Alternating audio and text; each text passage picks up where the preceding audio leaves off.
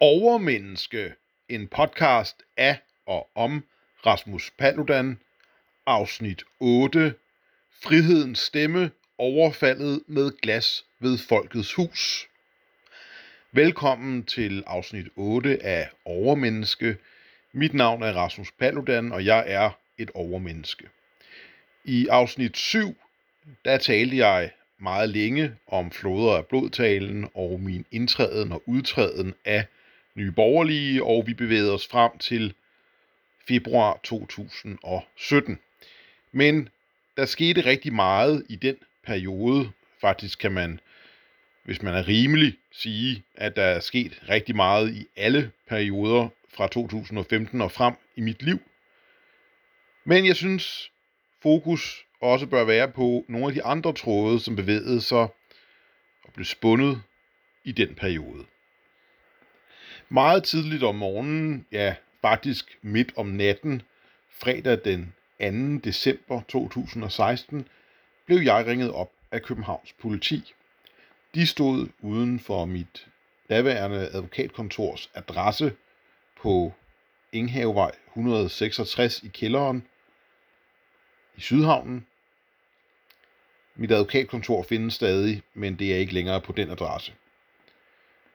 De ville gerne have, at jeg kom, fordi der var begået en forbrydelse. Så jeg øh, forlod lejligheden og øh, cyklede til øh, Enghavevej 166.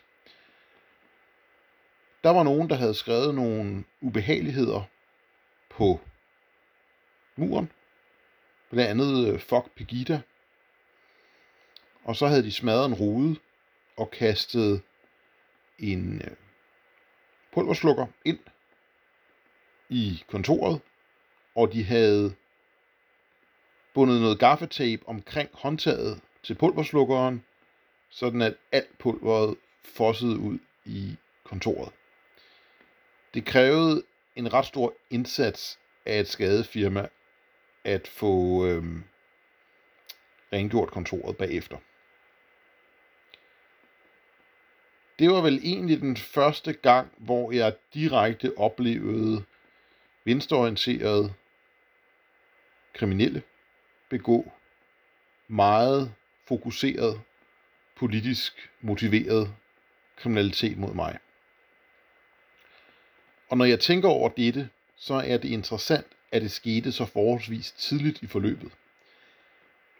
For jeg havde jo faktisk ikke gjort meget andet, end at jeg havde demonstreret med for frihed hver måned i 2016 og holdt den berømte floder af blodtale den 1. oktober 2016 ved Mindeankeret i Nyhavn. Men det kan jo også være, at de autonome, de venstreorienterede, som jo typisk anser sig selv som humanister og gode mennesker, når de overfalder andre mennesker brutalt, flere mod en, eller begår herværk mod andre menneskers erhvervsvirksomhed, at de kunne godt se, at her var tale om en person, som måske havde ambitioner. Og det havde jeg. Jeg var stadig på det tidspunkt søgende. I sidste afsnit fortalte jeg omkring min opstilling til borgerpensionen for Nye Borgerlige. Det var ikke sådan på det tidspunkt, at jeg var så fokuseret. Jeg var ikke klar over, hvordan min kamp for danskerne ville udarte sig. Men jeg vidste, at jeg gerne ville kæmpe. Så det kan jo være, at det er det, de autonome har fornemmet.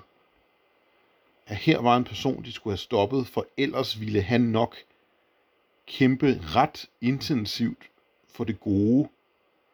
Og det vil de jo ikke, da de jo som socialister altid ubetinget kæmper for det onde. Jeg skal understrege her i en regibemærkning, at jeg påstår ikke, at alle socialister i verden er klar over, at de kæmper for det onde. Men jeg synes ikke, at det dumhed diskulperer for straf.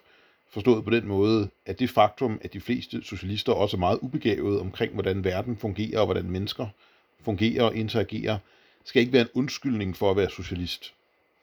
Der er også en anden mulig forklaring til herværket, og øh, den forklaring er jeg faktisk først blevet opmærksom på, når jeg nu mange år senere kigger i min kalender. For jeg kan se, at arbejdsgruppen i for frihed, som jeg var en del af på det tidspunkt, faktisk holdt et møde på mit kontor dagen inden, altså torsdag den 1. december 2016 kl. 17 til 19. Så man kan jo spekulere i, at nogle af dem er blevet skygget af de autonome, og når de autonome har kunnet konstatere, at vi har holdt et arbejdsgruppemøde på mit kontor, så har de også af den grund udvalgt mit kontor til mål for deres indenlandske politisk motiverede kriminalitet. Jeg ved ikke, om det forholder sig sådan, men tanken er vel ikke helt urimelig. Jeg havde i øh, efteråret 2016 hver uge sammen med min ven Kasper fuldt introduktionskursus hos den katolske kirke i Danmark. Og det synes jeg, når jeg ser tilbage på det, er meget interessant, men på den anden side også meget sigende, for som jeg sagde for kort tid siden i denne podcast, så er det jo sådan, at jeg på det her tidspunkt var søgende. Jeg tror jo stadig, jeg er søgende. Det er godt at være søgende, synes jeg, for det betyder også, at man er nysgerrig, og man ikke er låst fast. Så er man nemlig ikke sat. Og hvis der er noget, jeg synes er meget trist, hvis der er nogle mennesker, jeg synes, det er meget synd for, så er det dem, der er sat. Som ikke har nysgerrighed, livskraft og livssaft, men som bare repeterer og repeterer og lever en ikke misundelsesværdig tilværelse. Jeg er ikke sådan. Jeg er ganske grænsesøgende, og derfor har jeg et utroligt spændende liv. Men jeg skal understrege, at så længe folk selv er lykkelige, så er jeg også glad. Det, at folk lever uinteressante, kedelige, trivielle liv, er der jo intet problem i, hvis de bare selv er glade. Og derfor er det jo så glædeligt, at man behøver bestemt ikke misunde mig for mine spændende oplevelser. Nu er der jo også en bagside af medaljen, det ved alle. Bare man selv er glad. Men det er folk jo ikke. Der er jo utrolig mange, der er deprimerede. Der er utrolig mange, der begår selvmord eller prøver på det. Folk er jo ikke glade. Og det kunne være interessant at finde ud af, hvorfor. Og jeg har masser af teorier, men lad os gemme dem til et fremtidigt afsnit. Jeg kan i hvert fald sige, at det, at man gør sådan, at der bliver begået flere voldtægter, flere overfald, ser mere dominansadfærd i det offentlige rum, det kan umuligt være dispositioner, som gør, at flere mennesker i Danmark bliver glade.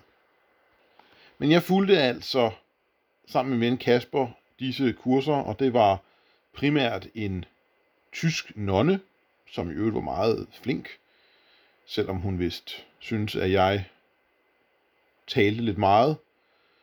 Til sidst var der nærmest en konflikt, hvor hun synes, at jeg talte for meget.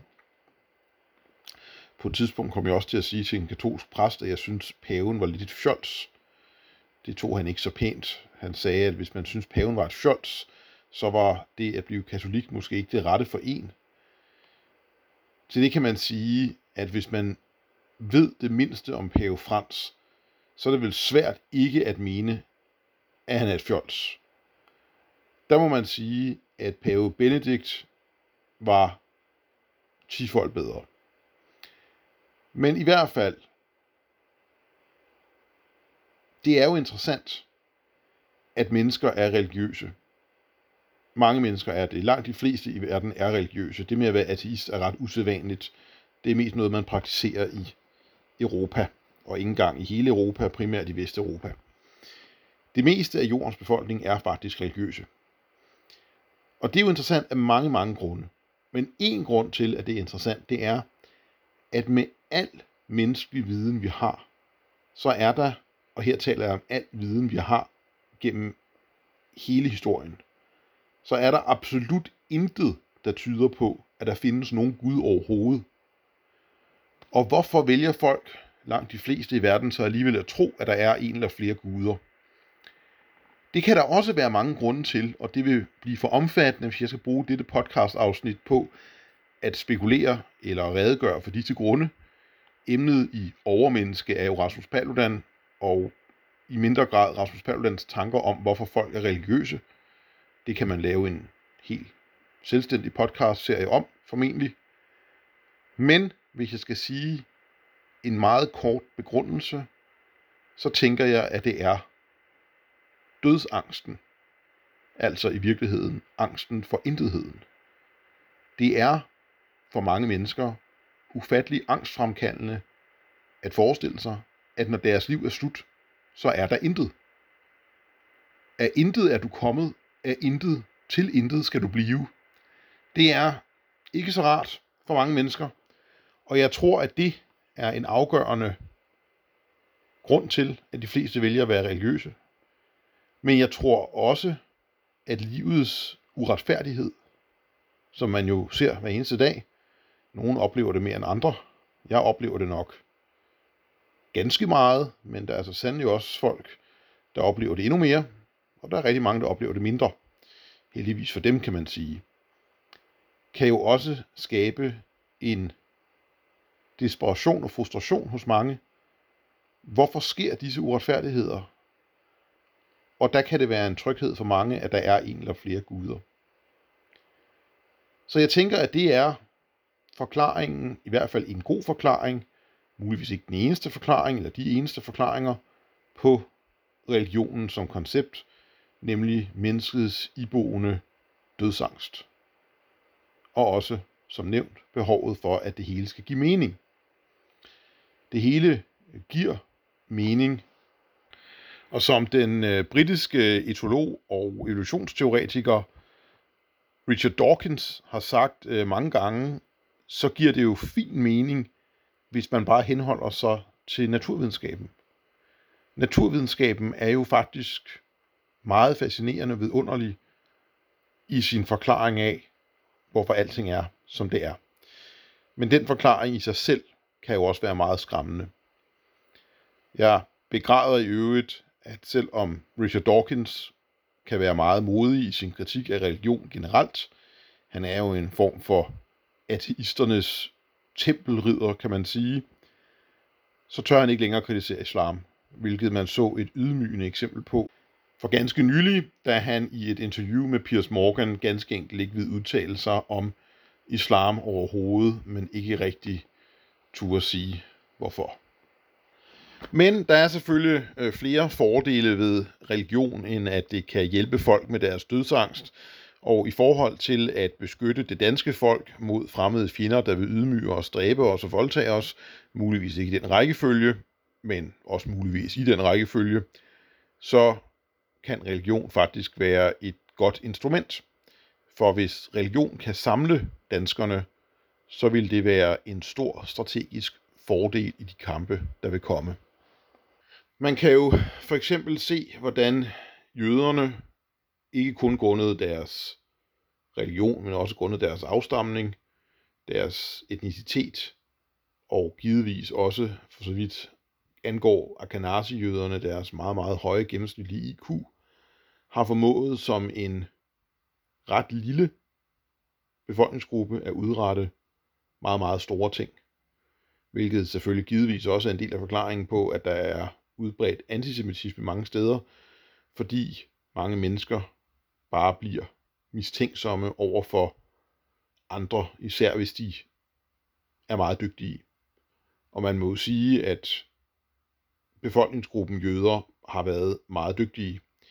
De har en fuldstændig absurd procentuel repræsentation blandt Nobelprismodtagere, for eksempel. Og man må jo også erkende, at for et land som Israel, omgivet af fjender, der er det gået ret godt. Og jeg skal understrege, for dem, der måske ikke har lyttet med i alle afsnit, at jeg personligt er ikke jøde. Jeg er etnisk dansker. Jeg stammer fra Jylland og fra Skåne. To historisk set danske områder. Nogle gange efter disse katolske kurser, der indfandt jeg mig med Kasper i baren på D'Angleterre. Det var sådan, at kurserne foregik i Bredgade, og øh, så var det jo nærliggende øh, at besøge D'Angleterre på Kongens Nytorv bagefter.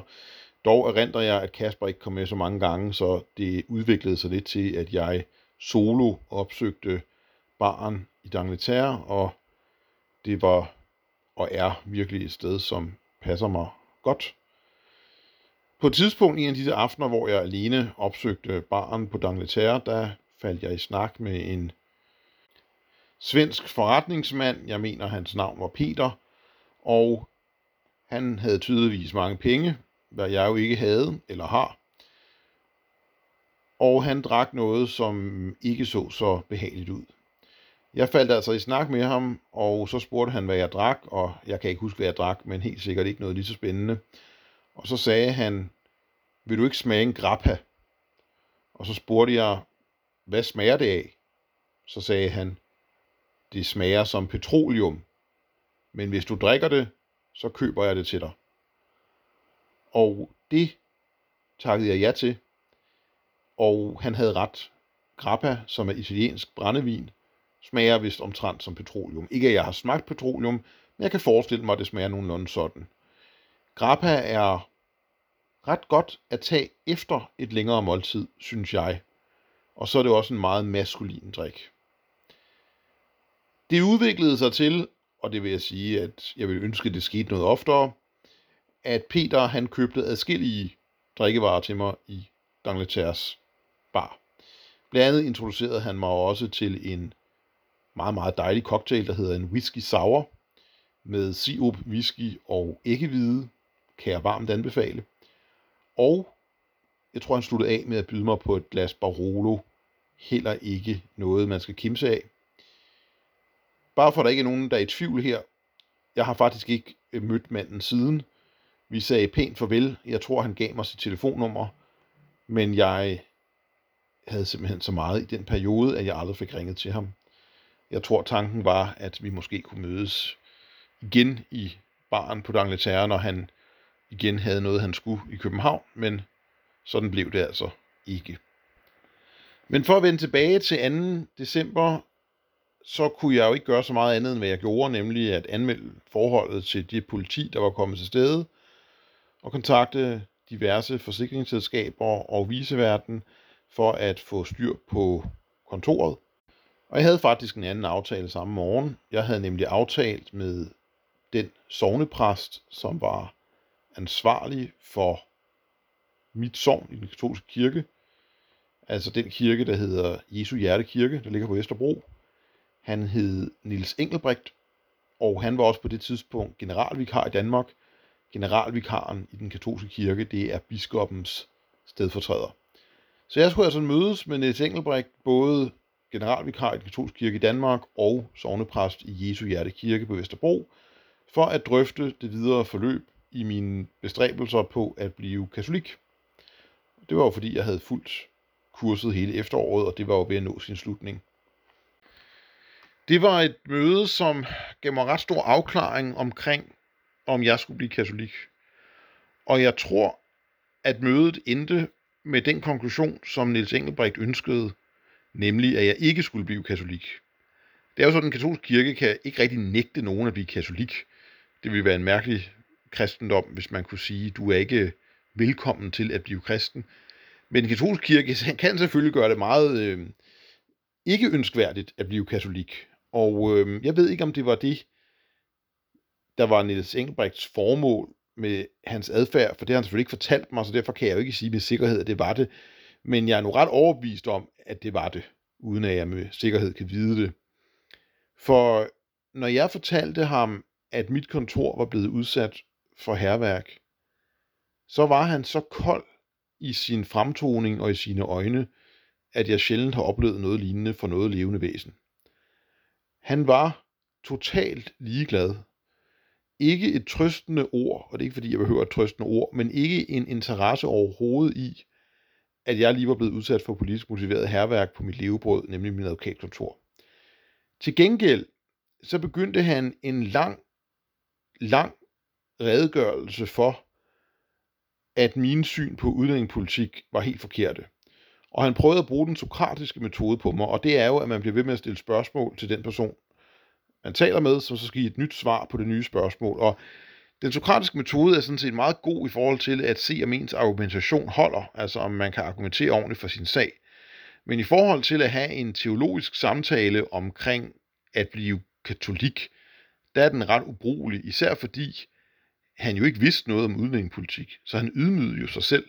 Altså det, han kunne bidrage med til samtalen, viste jo bare, at han var revrød og havde en fuldstændig forskruet opfattelse af, hvem der skulle bo i Danmark, og i øvrigt ikke kunne argumentere særlig godt for sine politiske synspunkter, som jo altså var kom hid, kom hid fra fjerne lande. Og øh, det var jo ret trættende. Så jeg prøvede hurtigt at sige til ham, forholdsvis hurtigt, øh, jeg blev hurtigt træt af hans ævl, at jeg sådan set hellere ville tale med ham om Jesus Kristus og kristendommen, for det var vel det, vi havde et møde for. Og det måtte han jo så nødtvungen gå med til. Og så spurgte han mig jo, om jeg troede på Gud, og jeg svarede, at jeg troede på Jesus Kristus, og jeg ville gerne være som Jesus Kristus. Jeg ved ikke helt, om det var sådan 100% ærligt, fordi jeg har ikke lyst til at dø øh, nøgen på et øh, kors, efter jeg blev voldtaget af romerske soldater, hvad Jesus Kristus formentlig blev, selvom Bibelen ikke melder noget lige om den detalje, men at han var nøgen på korset, er der ikke så meget tvivl om, fordi hele pointen med korsfæstelse, det var jo at ydmyge dem, der blev henrettet. Så det her med, at der er et lændeklæde omkring ham på korset, det er en efterrationalisering af den helt store øh, kaliber. Selvfølgelig var han ydmyget og nøgen på korset. Det var alle, der blev korsfæstet. Og standarden på det tidspunkt var også, at før de blev korsfæstet, der blev de godt og grundigt gennemvoldtaget af, ja, så mange romerske soldater, som havde lyst. Normalt dem alle sammen, tænker jeg. Og det er selvfølgelig uheldigt, hvis man øh, har en tanke om, at øh, ens Gud, Jesus Kristus, ikke blev voldtaget af romerske soldater, og der vil jeg bare sige, at øh, vi har ikke nogen øh, blasfemilov i Danmark, så hvis min opfattelse historisk set er, at det er meget sandsynligt, at Jesus Kristus blev voldtaget af romerske soldater, så må jeg gerne sige det, hvad jeg nu har gjort. Men jeg skal understrege, at øh, jeg var der jo ikke, da det skete, og øh, der er selvfølgelig også argumenter for, at det ikke skete. Det kan være, at fordi jøderne i et vist omfang også havde ham i deres varetægt, at det måske var en undtagelse fra øh, praksis. Det øh, skal jeg indrømme. Man kan have forskellige teorier, hvad det angår. Nå, men Niels Engelbrecht, han kom med personkritik. Han sagde til mig, kan man ikke sige, Rasmus, at du fylder ret meget i en forsamling? Hvor til jeg svarede, jo, det kan man godt, men det gjorde Jesus Kristus også. Og det gjorde Niels Engelbrecht en anelse mundlam, og så sagde han noget med, at han mente nok, at Jesus gjorde det på en lidt anden måde. Og det kan man sige, det ved han jo egentlig ikke, fordi han levede ikke, da Jesus levede. Men jeg synes, han var meget kold mod mig. Om han i øvrigt er et elskeligt menneske, det kan jeg jo ikke vide. Jeg kan jo ikke så godt beskrive hele hans person. Jeg kan kun beskrive min oplevelse af ham. Og min oplevelse af ham, det var, at han var omtrent som ridder Kato med et hjerte af sten. Det er en reference til Miu Min Miu af Astrid Lindgren, hvor Miu romanens protagonist, sammen med sin ven Yum Yum, går ud på en farlig færd for at finde ridder Kato, som holder slaver blandt de frie folk. Eller mere præcis tror jeg nok, at ridder Kato kidnapper børn, hvilket ikke er så rart. Jeg skal understrege, at dette er en form for simili. Jeg mener bestemt ikke, at Niels Engelbrecht gør noget ulovligt, ej heller kidnapper børn, ej heller har han fysisk set et hjerte af sten. Det kan ikke lade sig gøre. Men jeg fandt altså ud af, ved ikke særligt meget eftertanke, at når sovnepræsten i den katolske kirke behandlede mig så koldt og med så stort fravær af empati, så var det nok ikke en kirke, jeg havde lyst til at være medlem af. Og nu kan man selvfølgelig ikke dømme alle katolikker på, at Nils Engelbrecht, generalvikaren i Danmark, behandlede mig, som var han en person med hjerte af sten. Men er meningen ikke som kristen, at man viser hengivenhed, eller i hvert fald kærlighed og venskab over for alle mennesker? Det er da i hvert fald noget, som socialisten Pave Frans, han prædiker fra tid til anden. Så hvis man skal bruge den målestok, så fejlede Niels Engelbrek i den grad som kristen. Jeg ved ikke, om alle katolikker i Danmark så også fejler som kristne, bare fordi han gjorde det. Det håber jeg sandelig ikke. Mange år senere, i øh, 2022, der mødte jeg efteråret en anden katolik. Det var på teologistudiet på Københavns Universitet. Han hed Sean, og han havde, ligesom Niels Engelbrecht, også et hjerte af sten. Det er selvfølgelig ikke sigende for alle katolikker, at de to katolikker, jeg har mødt i Danmark, de begge to havde hjerter af sten. Det var i øvrigt stadigvæk en øh, periode, hvor jeg øh, arbejdede ganske meget som forsvarsadvokat, og jeg kan huske, at jeg blandt andet havde en sag om salg af hash på Christiania. Det vil sige, at jeg har haft en del Pusher Street sager. Jeg tror, det er svært at undgå at få dem, fordi der er ganske mange. Men som jeg nævnte i et tidligere afsnit, så var der jo også det røde kort, som jeg delte ud flere tusind af foran Christiania. Samtidig var der den ret omtalte på det tidspunkt sag om cannabisolie, Moffes, hvor en person, der blev kaldt Moffe, havde solgt cannabisolie med henblik på medicinsk smertelindring. Og jeg skal understrege, som jeg har gjort tidligere, at når jeg fortæller noget om mine oplevelser som advokat, så vil jeg naturligvis udelukkende referere til offentligt tilgængelige oplysninger. Andet ville være forkert. Jeg havde fra efteråret 2015 haft en jurastuderende ansat på deltid et par gange om ugen i advokatkontoret, hvilket var en ganske stor hjælp. Han havde et rigtig godt fornavn, nemlig Rasmus. Ja, jeg er ret glad for at hedde Rasmus. Jeg synes, det er synd for folk, der går og keder deres navne. Der er jo dette med, at man skal have kraft til at ændre de ting, man kan ændre, og acceptere de ting, man ikke kan ændre. Og min tanke var jo egentlig, at navn er noget det, man ikke kan ændre, men det har jeg jo ikke ret i, for man kan jo faktisk godt ændre sit navn. Men i hvert fald, jeg hedder Rasmus, og det var en hjælp at have Rasmus ansat. 2016 var også det sidste år, jeg underviste på det juridiske fakultet som ekstern lektor i civilprocesret. Året efter, i 2017, der fik jeg at vide, men kun fordi jeg spurgte, da jeg ikke havde hørt noget, at jeg slet ikke behøvede at undervise det år, fordi der simpelthen ikke var undervisningshold nok til, at det var nødvendigt for mig at undervise. Hvilket er lidt mærkeligt taget betragtning, at jeg fik at vide fra kilder, at der faktisk var nyansatte eksterne lektorer i lige præcis civilprocesret. Jeg tillod mig at skrive og sige, okay, men I ved jo godt, der står i min kontrakt, at jeg skal have løn alligevel, uanset om jeg underviser eller ej. Jeg overvejer lidt, om det virkelig er rimeligt, at det juridiske fakultet smider skattepenge ud på den måde, bare fordi de ikke vil have en politiker ansat som ekstern lektor. Jeg synes, det er ret skammeligt, må jeg sige.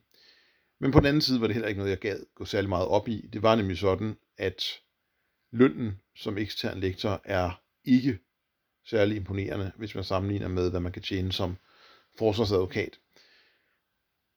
Ja, utak af verdens løn. Til gengæld så havde jeg den tvivlsomme fornøjelse, at da jeg tog et par dage til New York og øh, det øvrige østkysten i USA mellem jul og nytår 2016, der skete der det ikke så behagelige, at jeg blev nødt til at tage alle de eksamensopgaver, jeg havde fået tildelt med, og gennemlæse dem og give dem karakterer, mens jeg var i New York. Og det gjorde jeg jo så. Jeg kan glæde mig over, at de to år, hvor jeg var intern censor i de skriftlige eksamener i civilprocesret, der er der aldrig nogensinde nogen af mine karakterer, der er blevet underkendt.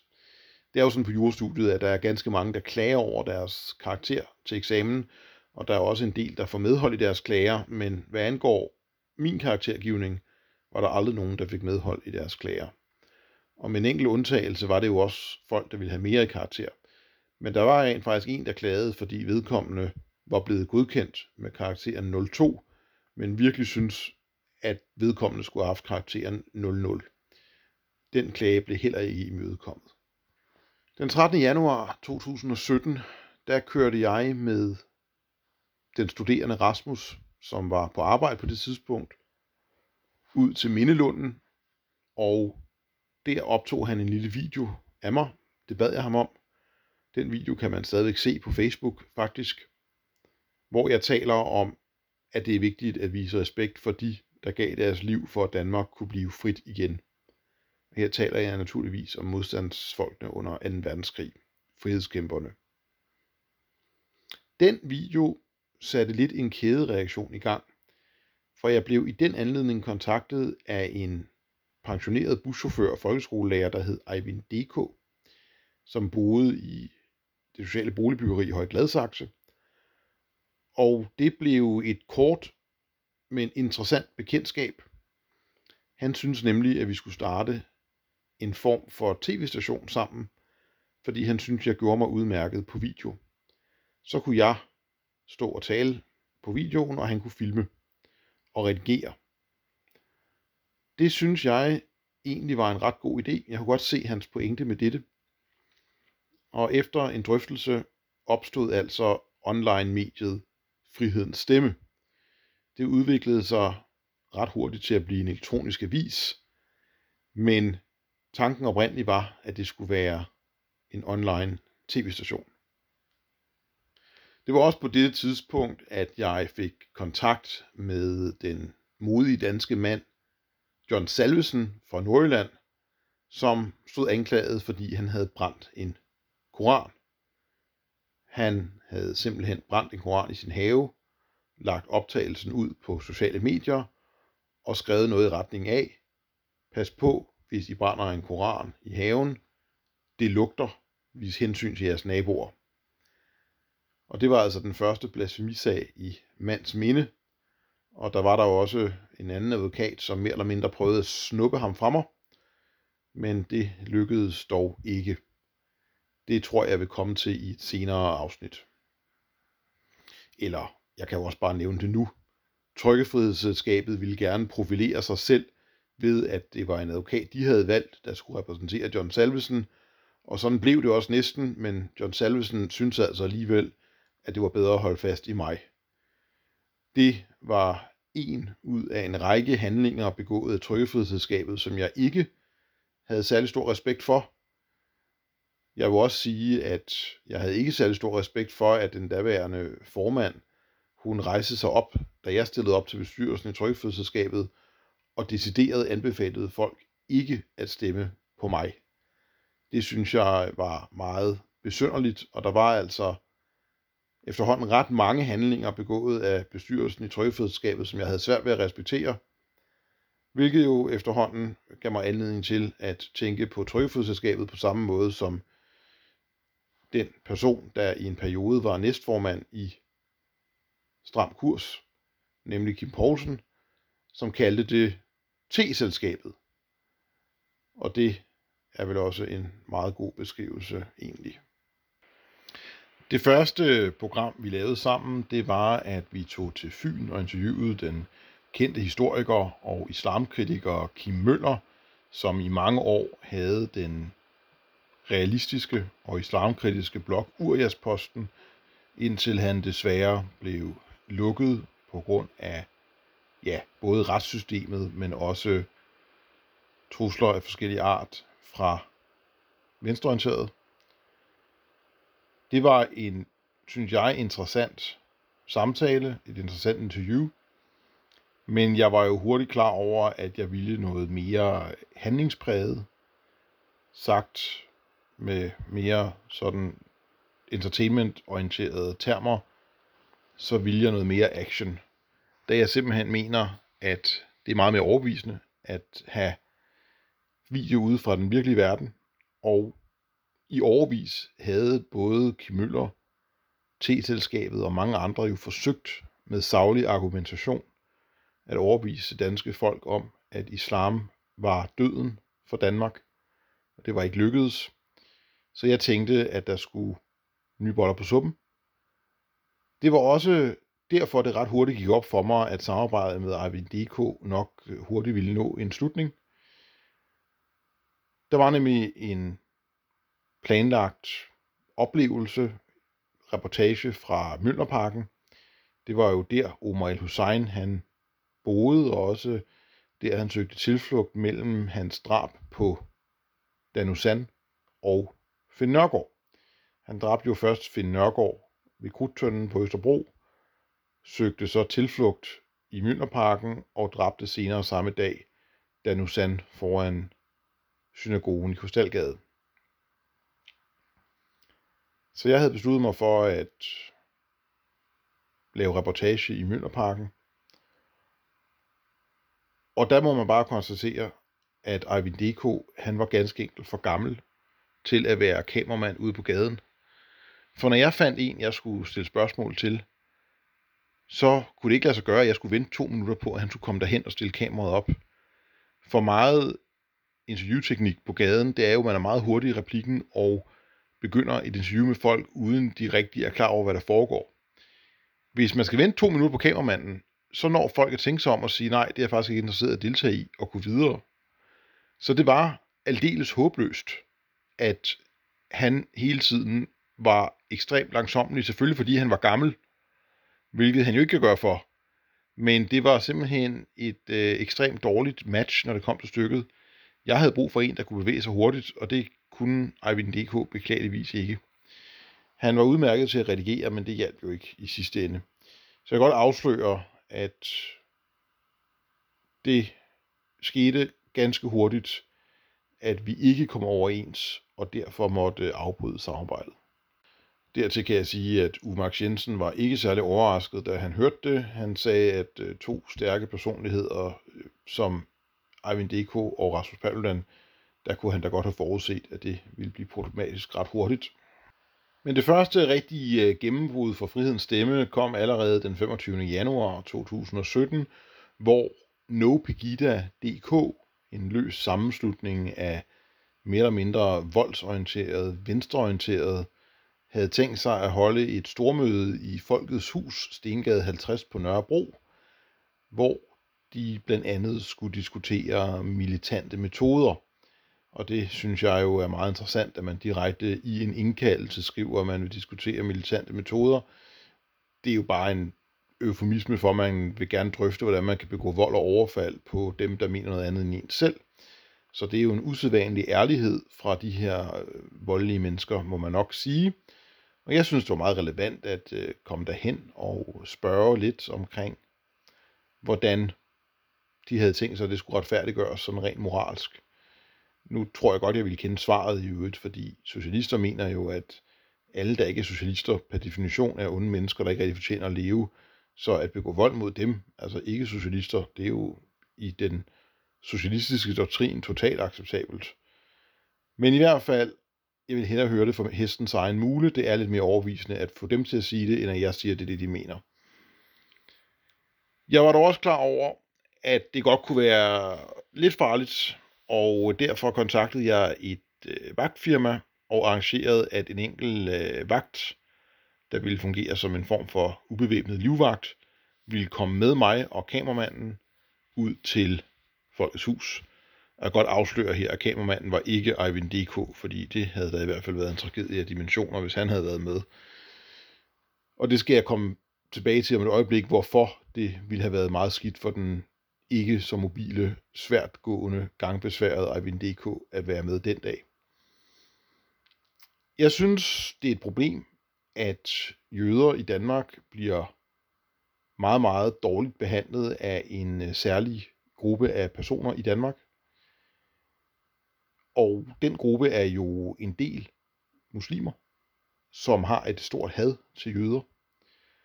Det er jo ikke sådan, at truslen mod jøder i Danmark kommer fra asetroende eller buddhister eller kristne. Så at der er en del muslimer, der ikke kan lide jøder, det er jo ikke nogen hemmelighed. At det samme sker i Mellemøsten, hvor de arabiske muslimske lande har ført adskillige krige mod Israel, er jo også en indikator på, at tolerancen blandt muslimer i almindelighed over for jøder er ikke overvældende stor. Derfor synes jeg, det var relevant at tage en kippa på. Det er den her form for hat, hvis man kan kalde den det, som jødiske mænd har på hovedet. Det hedder en kippa eller en jamulke. Og så skulle jeg fat i sådan en. Det viser sig, det var ikke så nemt, i hvert fald ikke med kort varsel, men med lidt research lykkedes det mig altså at finde en forening inde i det jødiske kompleks ved synagogen i Krystalgade, som kunne sælge mig en. Og det lykkedes mig også at komme ind, selvom der jo er omfattende sikkerhedsforanstaltninger, og øh, købe sådan en. Og så lykkedes det mig også at finde nogle øh, hårnåle i Matas, så jeg kunne placere den pænt på mit hoved med lidt øh, nåle, som holdt den sådan fast til håret. Og så var det ellers bare sådan, at vi kørte til Nørrebro, og øh, jeg altså iførte den her jødehat. Ikke fordi jeg er jøde, men fordi jeg gerne ville teste, hvordan jøder bliver behandlet på Nørrebro. Og der kan man så sige, at det gik ikke så godt.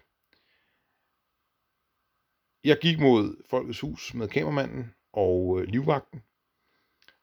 Og det gik meget skidt. Eller godt, alt efter hvordan man ser det. Altså, vi overlevede jo i hvert fald. Jeg stillede mig op øh, foran Folkets Hus og skulle til at øh, tale, og så kommer der en mellemøstlig person, som prøver at være høflig. Og hans interesse er sådan set bare, at jeg ikke filmer, fordi han er ved at sælge narko, eller gerne vil sælge narko.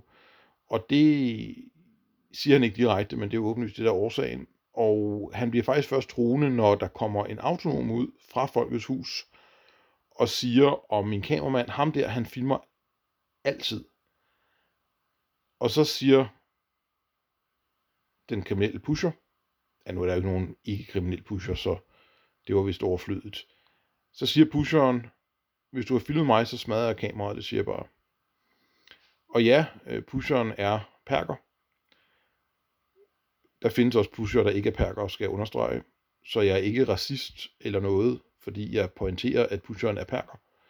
Men for at dem, der ikke har set videoen, kan få en oplevelse af, hvad der skete, så var der altså en pusher, der var perker, som indledningsvis var venlig, og som først blev lidt aggressiv da han fik den tanke, at vi måske filmede ham, hvad vi jo ikke gjorde, skal jeg understrege, for det havde vi ikke nogen grund til. Meningen var at filme mig og Folkets Hus, og han var i den helt modsatte retning.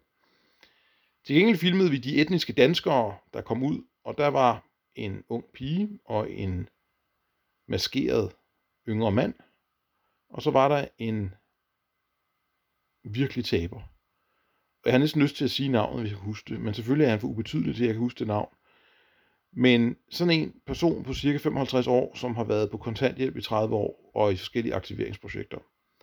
Han kom ud sammen med Susanne Dahl, som er en gartner i Københavns Kommune, som har været meget aktiv blandt de her venstre ekstremister. Og øh, han kom simpelthen ud med et glas i hånden. Og stod med glasset, som om han skulle kaste på os. Han stod med andre ord og truede os med et glas hvilket er ret forstyrret, må jeg nok sige. Det er faktisk så forstyrret, at jeg forstod slet ikke, det var det, han gjorde, før jeg så videoen bagefter. Vi blev truet, og derfor ringede jeg til Københavns politi, som jeg selvfølgelig havde informeret i forvejen om, at jeg skulle være der, men Københavns politi er jo, som jeg nævnte i et afsnit inden, en tragikomisk myndighed, som jo egentlig synes, at det er fint, hvis jeg bliver overfaldet. Det kan rende dem, ja, det er de ret ligeglade med. Det var godt, at vi havde en livvagt med, fordi han havde nemlig en bil, vi kunne komme væk i. Men bilen holdt jo ikke lige ved Folkets Hus. Det var nok også meget godt egentlig, for så var det nok blevet smadret. Vi blev altså jagtet væk af folk, der truede os, og øh, det begyndte at blive sådan, at vi nødt til at løbe. Og så hørte jeg et glas eller en flaske blive smadret på gaden, så nogen har altså kastet enten en flaske eller et glas efter os. Min klare tanke er, at det er den her evighedskontantløsmodtager, som har kylet det glas, han havde i hånden efter os. Heldigvis ramte det ikke. Vi løb og nåede frem til livvagtens bil og fik til sidst lukket døren, selvom der var en autonom, der nærmest hang ind i bilen for at skade os. Og efter den her oplevelse, som jo blev filmet, er der jo flere ting, man reflekterer over. Blandt andet, at når jeg står med en jødehat på, en kippa på, så bliver jeg kaldt nazist, hvilket jo er lidt pudsigt. Det er jeg jo ikke i øvrigt. Jeg er konservativ libertarianer og etnonationalist. Det er nogle helt andre ting. En nazist er en nationalsocialist, og som man sikkert kan høre, så er jeg ikke tilhænger af socialister. Eller nazister for den sags skyld. Nazister er en afart af socialister. Men i hvert fald fandt jeg det ud af, hvad militante metoder gik ud på. Vi kørte til øh, Nyopsgade inde ved Sjælhuset på Vesterbro, tæt på Vesterport station i øvrigt. Og der mødtes vi med indsatsleder for politiet. I et hvert form for civiliseret samfund, der ville denne indsatsleder have meddelt mig, at nu kunne jeg roligt vende tilbage til Folkets Hus og foretage min journalistik, der ville være tilstrækkeligt med politi til stede. Det meddelte han ikke. Han meddelte, at nu havde jeg et påbud om, at de næste mange timer måtte jeg ikke indfinde mig på Nørrebro, og hvis jeg gjorde det, ville jeg blive frihedsberøvet. Så vold virker, fordi Københavns politi til alle tider har været en total latterlig myndighed, som bare overgiver sig til voldelige mennesker. Dog skal jeg igen sige til Københavns politis forsvar, at de er ikke den eneste politimyndighed i landet, der gør dette. Det er en universel regel. Så jeg kunne jo ikke gøre så meget andet end at tage hjem. Dog tror jeg faktisk, at vi tog forbi Eivind DK først. Det gjorde vi faktisk, så han kunne klippe det hele sammen. Og det blev der et noget viralt hit at se mig blive jagtet væk fra folkets hus. Voldsmanden vandt igen, og det er jo i virkeligheden det, man kalder voldsmandens veto, eller på engelsk Heckler's veto, hvilket betyder, at den, der er voldelig, kan nedlægge veto mod ytringer fra ikke-voldelige, fordi han begår vold mod dem, der ytrer noget, han ikke vil høre. Det er voldsmandens veto, altså at uanset om man har gode eller dårlige argumenter, så vinder man, hvis man begår vold, fordi man så med sin vold eller trussel om vold kan nedlægge veto mod dem, der ytrer noget, man ikke kan lide, ved simpelthen at få dem til at holde kæft, enten ved at smadre dem, eller ved at tro dem, eller ved at jagte dem væk, som det skete i det her tilfælde. Det var lidt en kombination. Man prøvede i hvert fald at smadre os, og true os i øvrigt. Ham, der stod med glasset, troede jo ganske kraftigt. Men selvfølgelig kan man jo ikke kun bebrejde socialister for, at de er, hvad de er i deres natur. Modbydelige, onde, voldelige mennesker. Nej, man må også bebrejde Københavns politi, at Københavns politi jo ikke lever op til sin pligt om at holde orden. Vi har jo som danskere overgivet vores ret til at udøve vold til staten. Politiet har det, der hedder voldsmonopolet, hvilket betyder, at politiet er de eneste, der må udøve vold. Det betyder jo så, at jeg skal stole på, at politiet udøver den nødvendige vold for at beskytte mine rettigheder. Blandt andet min ret til ikke at blive overfaldet, og min ret til at kunne færdes frit på Nørrebro, og min ret til at kunne bedrive journalistik på Nørrebro. Og der må man sige, at der har Københavns politi fejlet eminent.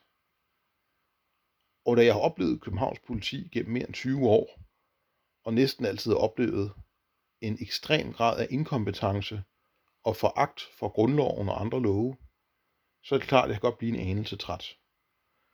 Og derfor er det ikke så mærkeligt, at øh, Ronny, vores i en periode vicepartileder, han synes, at jeg var lidt hård ved politiet, og han synes, at jeg var lidt kritisk over for politiet. Det ændrede sig dog den første dag, han selv oplevede Københavns politi. Der ændrede han mening og synes, jeg var alt for flink mod politiet. Det er desværre sådan landet ligger. Men hvis de autonome socialisterne i Folkets Hus havde troet, at det at kaste glas efter mig og true mig og jagte mig væk fra Nørrebro ville medføre, at jeg ikke ville komme tilbage, så må man sige, at deres indsigt i min modus og i min psykologi var meget forkert, for de opnåede naturligvis præcis det modsatte. Og derfor kan man jo sige, selvom det er en lidt søgt årsagssammenhæng, at måske er det i virkeligheden de her få personer, Susanne Dahl, evighedskontanthjælpsmodtageren, der troede med et glas, og de to unge autonome, der til dels har ansvaret for, at Stram Kurs i 2019 kunne blive opstillet til Folketinget i løbet af få uger, fordi min trang til at hævde frihed og demokrati på Nørrebro blev jo i den grad styrket af de her menneskers voldelige overfald og trusler den 25. januar 2017. Du har lyttet til Overmenneske, en podcast af og om Rasmus Paludan.